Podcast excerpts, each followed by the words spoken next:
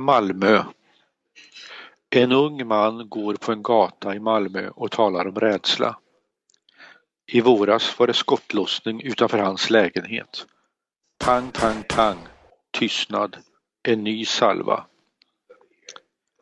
Varför måste denna unge man vara rädd? Ett enkelt svar kan vara att det inte syns några poliser på gatorna. Varför syns inga poliser? Ett svar är att deras utrustning, skyddsvästar, bälten späckade med prylar, är så tung att de inte orkar patrullera till fots. Det har blivit så att den polisiära utrustningen är, eh, den är ju faktiskt, eh, när man väger, väger eller man ser hur mycket en, en polis väger idag med skyddsväst och bälte med alla tillbehör och sånt, så, så är det faktiskt en ansenlig vikt som man ska bära med sig. Polisen orkar inte gå alltså? Jo, de orkar säkert gå, men det kan vara ett av skälen för att man faktiskt eh, eh, inte har den där klassiska fotpatrulleringen som man hade förr i tiden.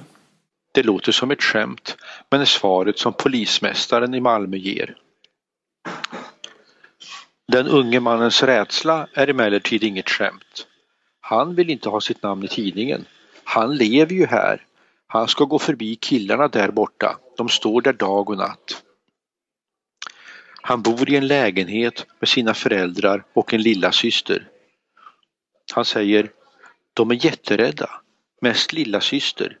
När det var skottlossning grät hon jättemycket. Mamman kräver att sonens mobilbatteri ska vara fullt laddat när han går ut. Mamman ringer varje timme.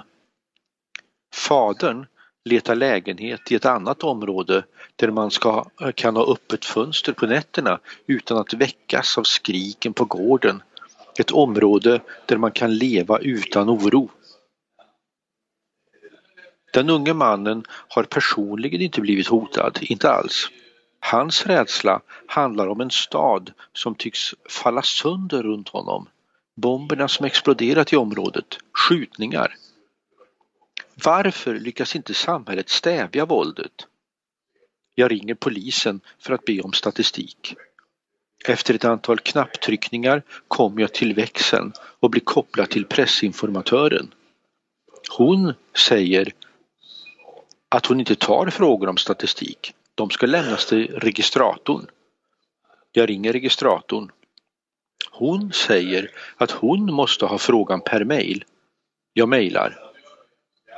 Svaret, som enligt en annan informatör redan finns färdigt, kommer efter tre dygn.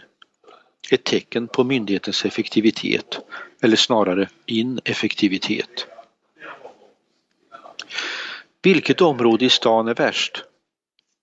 En Malmöbo säger att jag inte bör gå ur bilen på Rasmusgatan i Seved. Det är första gången som jag i Sverige varnas för att röra mig i ett visst område. Rasmusgatan, det är en trång gata, låga bostadshus med smålägenheter byggda under efterkrigstidens optimism.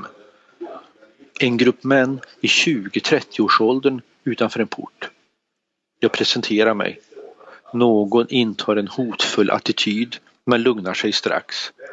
Flams, anklagelser, det är egentligen polisen och politikerna som ligger bakom bomberna, säger en av dem.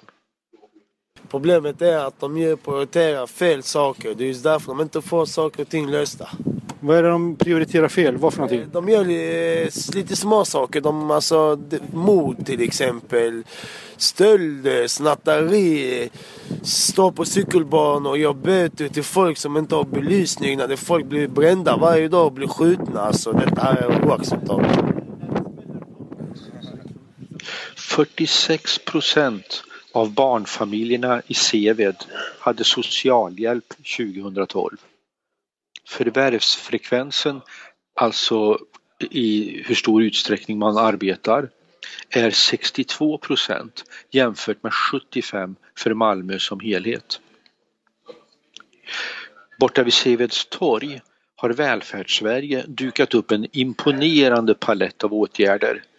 Där finns mötesplatsen med arbetsförmedling, socialhjälp, bostadsförmedling och något som kallas förebyggarsektionen. De gör fel. En gång, andra gång. Varför de stannar här? Tillbaka de till deras land. Bättre. Men det är också svenskar som gör fel. Svensk, svensk. Men de invandrar. Måste de invandrare, de här, de blir långt, jobba, betala skatt. Sverige, de hjälper oss. Vi tackar dem. Vi måste jobba, kämpa själv. Vi vill inte ha stanna socialen. Nej. Jag tackar dig kompis. Tack, Tack, tack, kompis. tack. Hej, hej. Jag vill tala med en person på förebyggarsektionen men han säger att personalen inte får ge intervjuer. Det ska kommunikatören göra. Hon sitter i en lokal 50 meter bort. Namnet är Petronella Thorén.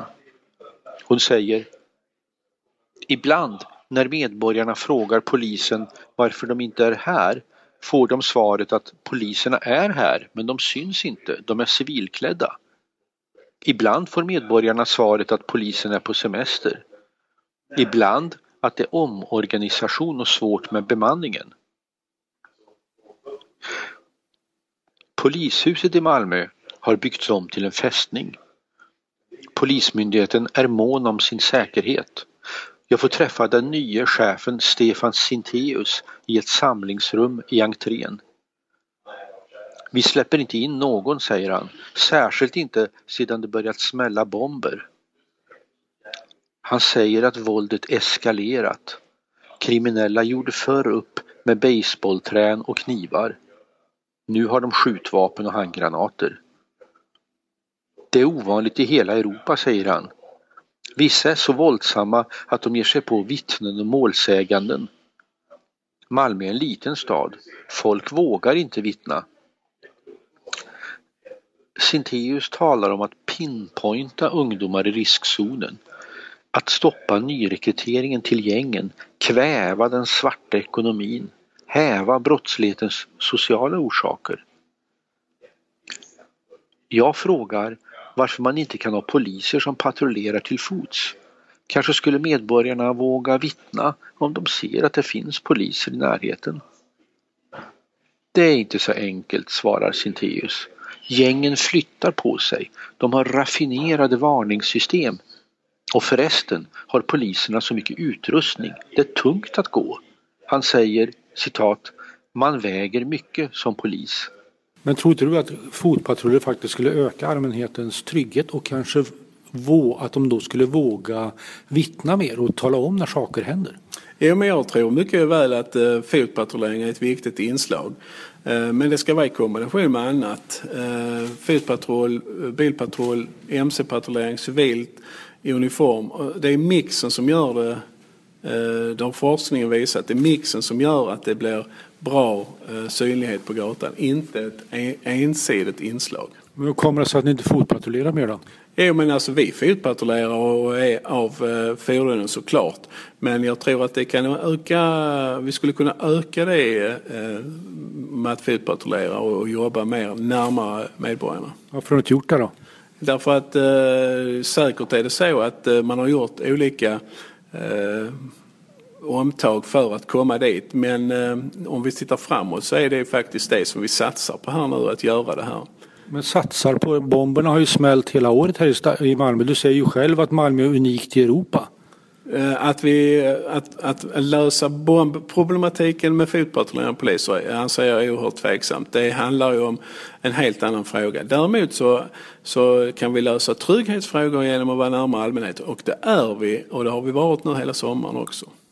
Från 1 september ska permanenta grupper arbeta i problemområdena, säger Sintéus. 1 september är den nya organisationen på plats.